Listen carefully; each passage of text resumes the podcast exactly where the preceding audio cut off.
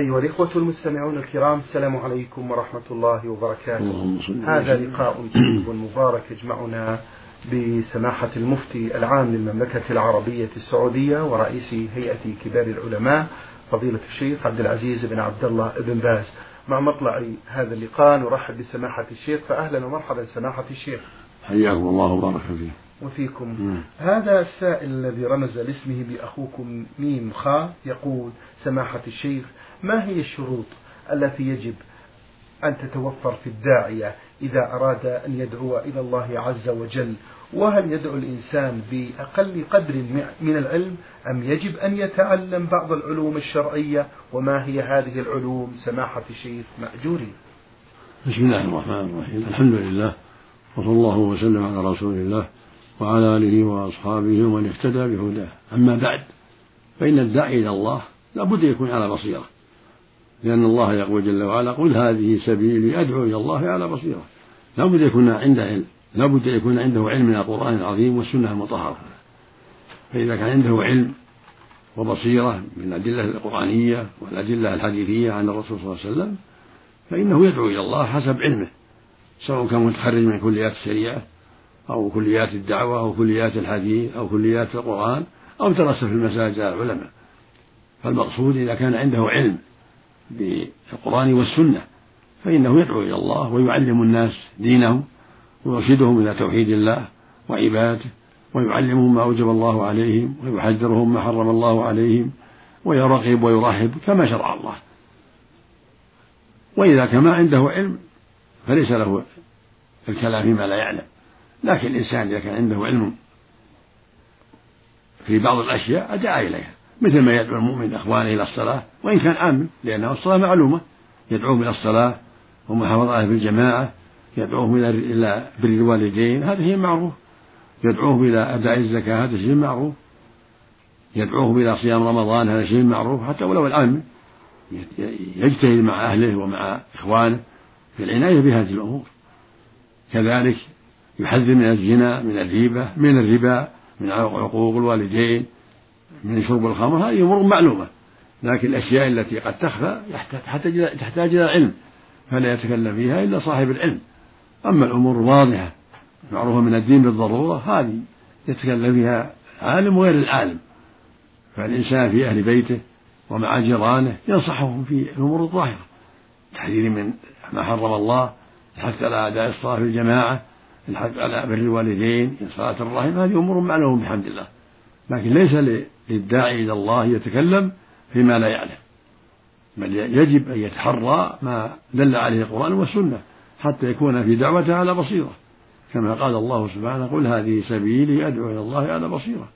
والله يقول جل وعلا قل إنما حرم ربي الفواحش ما ظهر منها وما بطن والإثم والبغي بغير الحق وأن تشركوا بالله ما لم ينزل به سلطانا وأن تقولوا على الله ما لا تعلمون.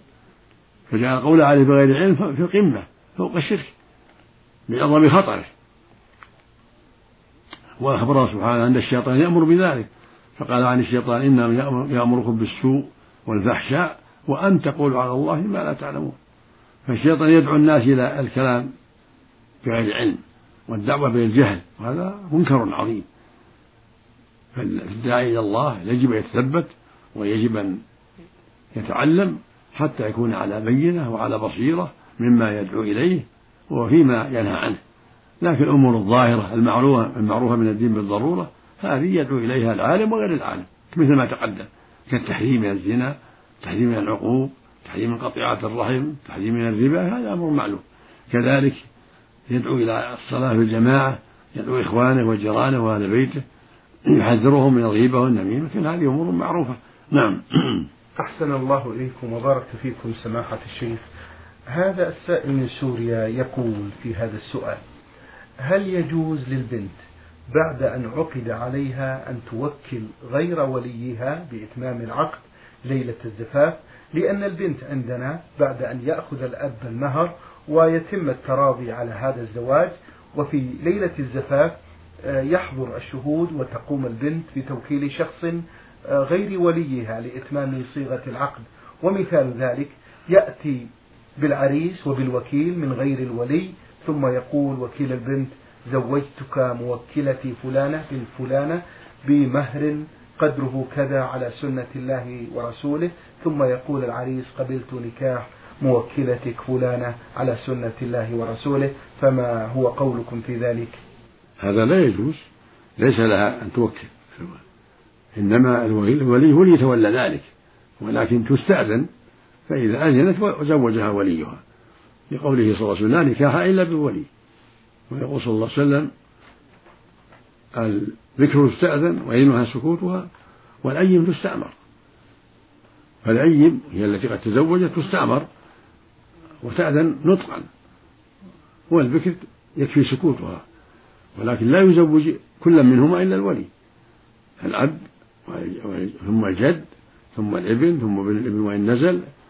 ثم الأقارب حسب الميراث كالأخ الشقيق ثم الأخ لأب ثم ابن أخ الشقيق ثم ابن أخ لأب وهكذا. وليس للمرأة أن تزوج نفسها ولا أن توكل من يزوجها. بل واجب أن يتولى هذا الولي سواء في ليلة الزفاف أو قبل ذلك. لابد أن يتولى النكاح الولي فيقول زوجتك ويقول الزوج قبلت بحضرة شاهدين بعد رضا البنت أو الأخت. لابد أن تكون راضية نطقا إن كانت سيد أو بالسكوت إن كانت بكرة. هذا هو الواجب هذا هو المشروع الذي عليه جمهور أهل العلم. نعم. أحسن الله إليكم سماحة الشيخ. هذا سائل للبرنامج يستفسر عن مجموعة من الأحاديث. يقول هل ورد أحاديث عن النبي صلى الله عليه وسلم أو عن السلف الصالح بأنه أو بأن الرسول صلى الله عليه وسلم كان يحب أن يقرأ سورة إنا أنزلناه في ليلة القدر عشر مرات بعد الانتهاء من الوضوء؟ ليس لهذا أصل لا عن الرسول صلى الله عليه وسلم ولا عن الصحابة. هذا باطل. نعم. يستفسر أيضا هذا السائل عن حديث آه، ويل للعرب من شر قد اقترب. لقد فتح من ردم يأجوج ومأجوج. وضحوا لنا معنى هذا الحديث هذا حديث صحيح. دخل النبي صلى الله عليه وسلم ذات يوم على في بيته في بيت زينب. ويقول صلى الله عليه وسلم ويل للعرب من شر قد اقترب. فتح اليوم من ردم يأجوج ومثل هذا وحلق بين أصبعيه. قالت له زينب يا رسول الله أنهلك وفينا الصالحون؟ قال نعم إذا كثر الخبث. يعني إذا كثرت الشرور والمعاصي. فكثرة المعاصي والشرور من أسباب الهلاك. كما قال صلى الله عليه وسلم في الحديث الآخر إن الناس إذا رأوا المنكر فلم يغيروه. أوشك أن يعمهم الله بعقابه. فالواجب إنكار المنكر. بالفعل فإن عجز بالقول فمن عجز بالقلب.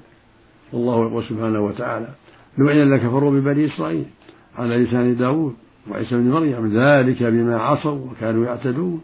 كانوا لا يتناهون عن منكر فعلوه لبئس ما كانوا يفعلون. فالواجب على المسلمين إنكار المنكر وعلى ولاة الأمور يجب إنكاره وعلى الإنسان في بيته مع أهله مع زوجته مع أولاده وعلى أهل الحسبة المعينين لهذا الأمر عليه أن ينكروا المنكر. ولهذا يقول جل وعلا في كتابه العظيم والمؤمنون والمؤمنات بعضهم أولياء بعض يأمرون بالمعروف وينهون عن المنكر. فإذا كثر الخبث والمعاصي صار هذا من أسباب هلاك الأمة ولا حول ولا قوة إلا بالله. إذا لم تنكر. نعم.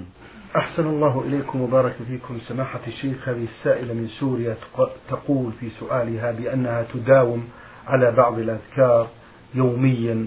مثلا تقول بأنها تقول لا حول ولا قوة إلا بالله مئة مرة وحسبنا الله ونعم الوكيل مثل ذلك وسبحان الله وبحمده سبحان الله العظيم مثل ذلك. اللهم اغفر لي ولوالدي وللمؤمنين والمؤمنات ولا إله إلا الله وحده لا شريك له له الملك وله الحمد وهو على كل شيء قدير. تقول وأنا أصلي على المصطفى مثل ذلك وأقول أيضا رب اغفر لي وتب علي إنك أنت التواب الرحيم. ما صحة هذا مأجورين؟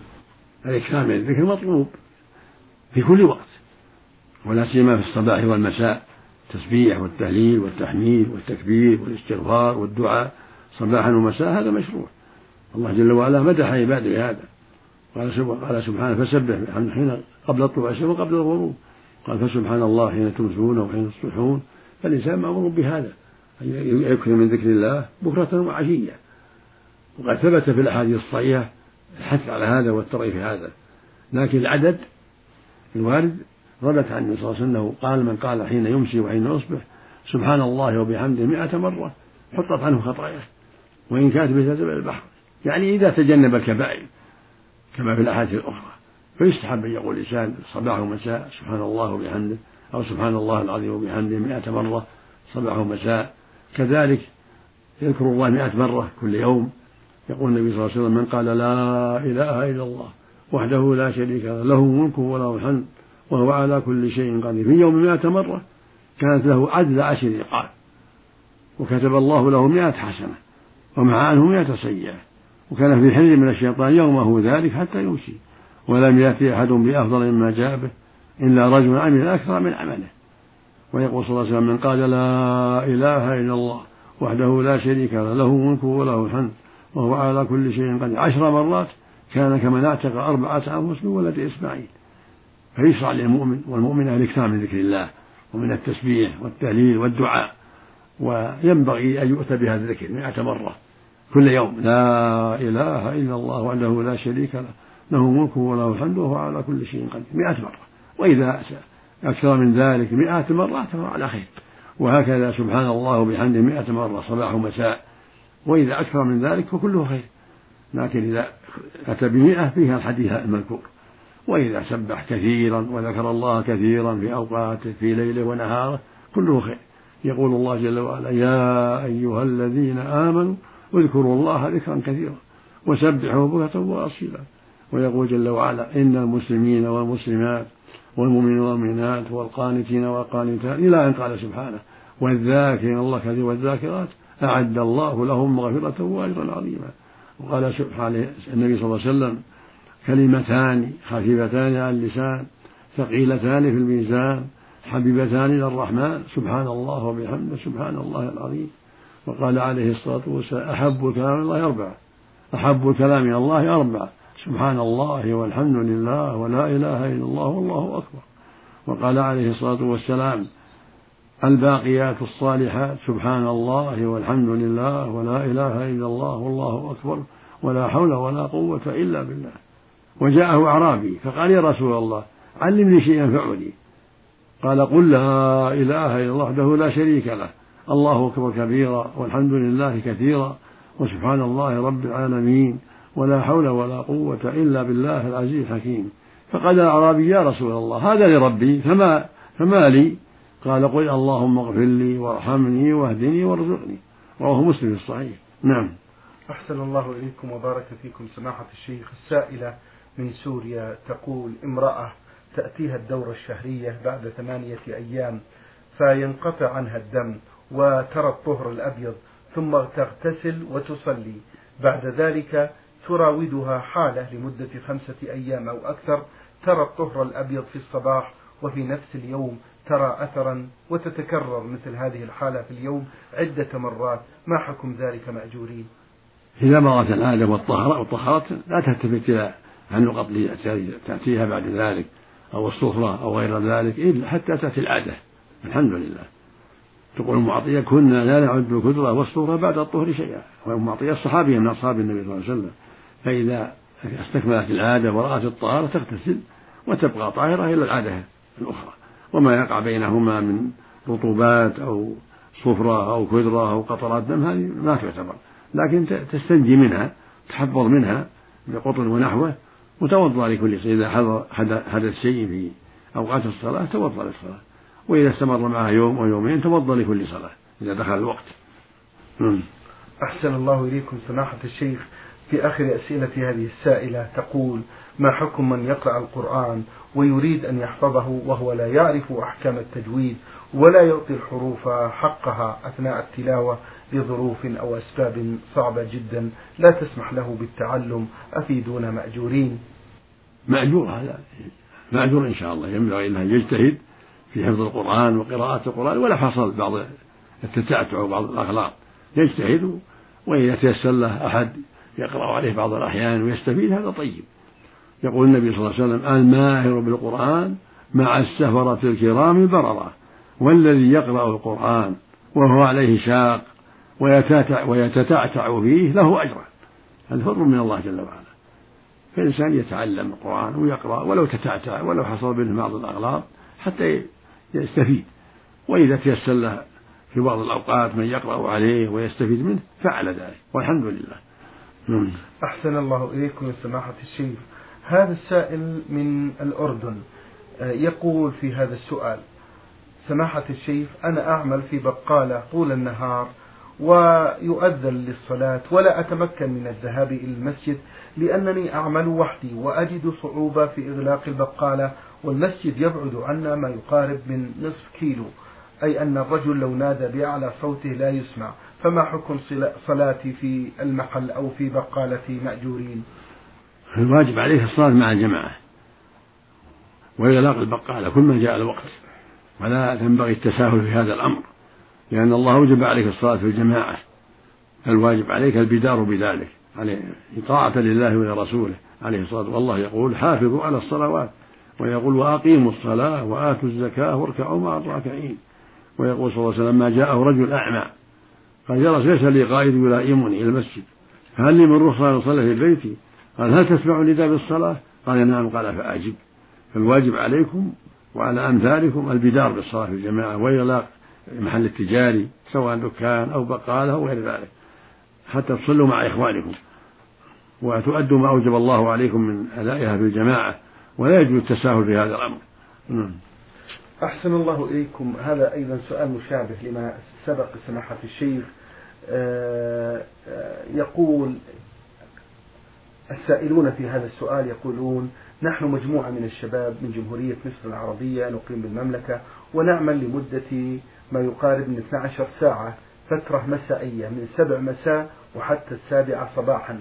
في بعض الأوقات تفوتنا صلاة الظهر خاصة يوم الجمعة وهذا الدوام الليلي بصفة مستمرة مما يترتب علينا النوم بالنهار لفترات طويلة. ماذا نعمل في ذلك؟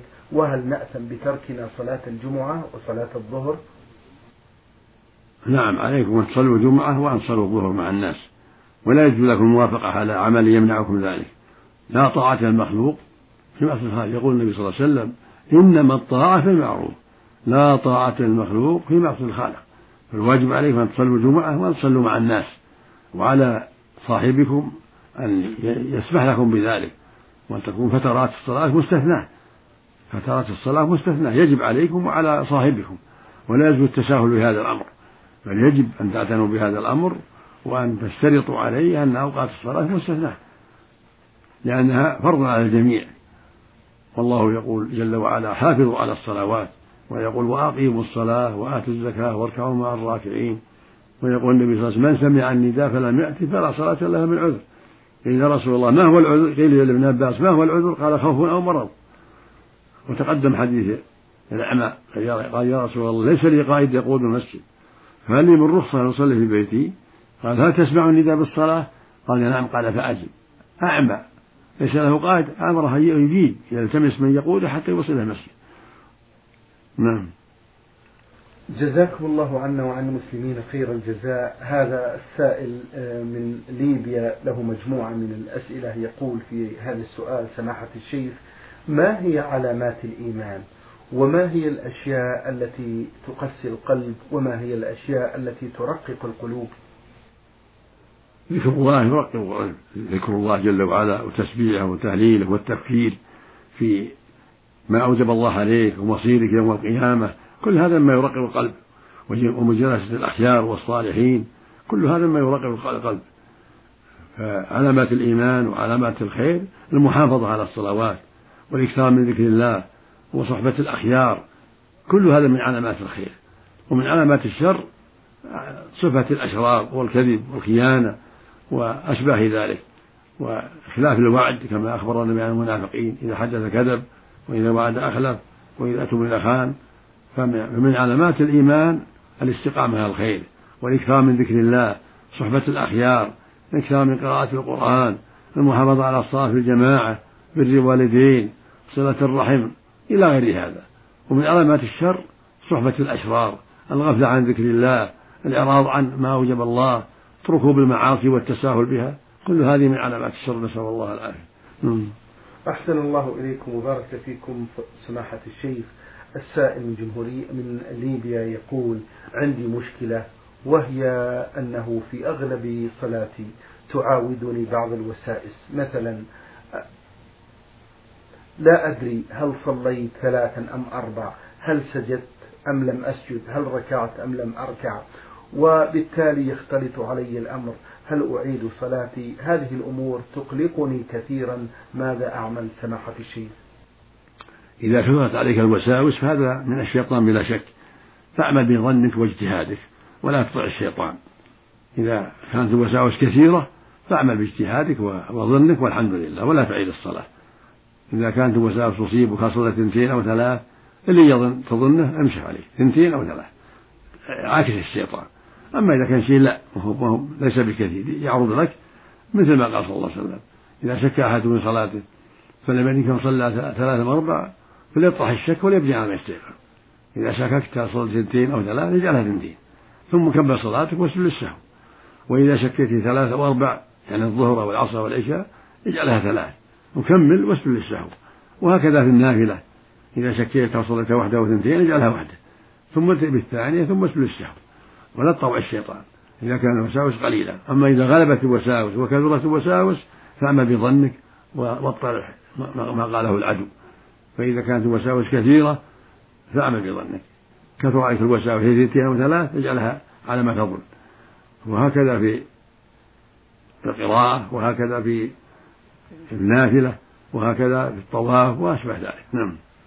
يقول هذا السائل سماحة الشيخ من ليبيا يقول في سؤاله الثاني شخص عاهد الله في نفسه على ترك شيء محرم وبعد فترة طويلة عاد إلى هذا الشيء المحرم نتيجة ضغوط من جانب الوسط الذي يقول هذا السائل.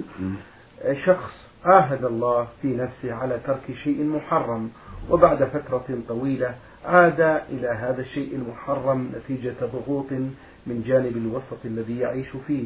ما حكم ذلك مأجورين عليه التوبة إلى الله. التوبة بابها مفتوح. الله يقول وتوبوا إلى الله جميعا أيها المؤمنون لعلكم تفلحون. فإذا كانت معصية ثم عاد إليها فعليه التوبة. الندم والإقلاع والعزم أن لا يعود تعظيما لله ورغبة فيما عنده سبحانه وتعالى والله يتوب على التائبين. يقول جل وعلا قل يا عبادي الذين أسرفوا على أنفسهم لا تقنطوا من رحمة الله. إن الله يغفر الذنوب جميعا إنه هو الغفور الرحيم. أجمع العلماء رحمة الله عليهم على أن هذه الآية في التائبين. فمن تاب من الشرك أو المعاصي تاب الله عليه ولا يجوز له القنوط.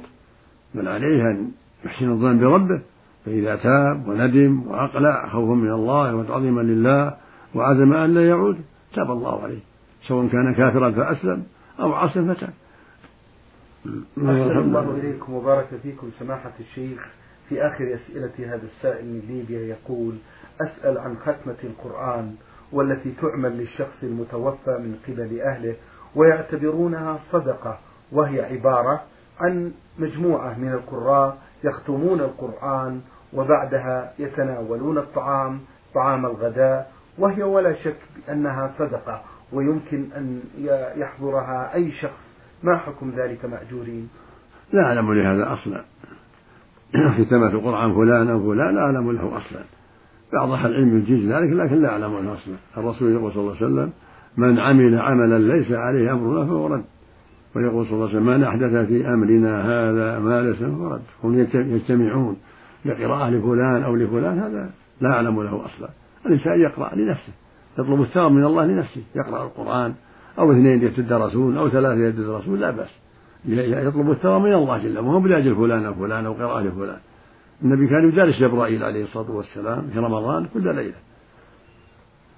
الحاصل أن المدارسة لا بأس بها أما اجتماعهم ليقرأوا ختمة لفلان أو فلان هذا ما ما أعلم له أصلا في الشرع فالواجب تركه أحسن الله إليكم سماحة الشيخ من جمهورية مصر العربية السائل سالم يقول سمعت من بعض الناس بأنه لا يجوز الحلف بصفات الله وخاصة صفة الحياة فقلت لهم بأن الحلف بحياة الله جائز بناء على ما قرأت فهل كلامي صحيح؟ نعم الحلف بالله وبصفاته وبأسماء كله حق كله جائز مثل ما جاء في الحديث أعوذ بعزة الله وقدرته من شر ما أجد وأحاذر أعوذ برضاك من سخطك أعوذ بكلمات الله التامات فالتعوذ بصفات الله والتعوذ بكلمات الله والحلف بها كل ذلك جائز يحلف بالله يحلف بصفاته وعزة الله وقدرة الله وعلم الله وحياة الله كله جائز كما يقول الله أو بالله أو تالله أو الرحمن أو الرحيم أو العزيز أو الحكيم كل هذا جائز. وهكذا إذا قالوا عزة الله أو بعزة الله أو بعلم الله أو ما أشبه ذلك. أحسن الله إليكم وبارك فيكم. سماحة الشيخ يقول في سؤاله الثاني السائل سالم من جمهورية مصر العربية إذا صلى الإنسان وشك في صلاته ولم يكن عنده غالب في الظن فهل يكفي أن يسجد للسهو فقط يقول إذا صلى الإنسان وشك في صلاته ولم يكن عنده غالب ظن فهل يكفي أن يسجد للسهو فقط؟ أم يبني على ما تيقن ثم يسجد للسهو؟ هذا في التفصيل. إن كان صلى وليس عنده شك ثم جاء الشك بعد الصلاة ليس عليه عمل. صلاته صحيحة والحمد لله. أما كان كان الشك في الصلاة في أثنائها فإنه يبني على اليقين. إذا شك هل صلى اثنتين أو ثلاث يجعلها اثنتين ثم يأتي بالبقية.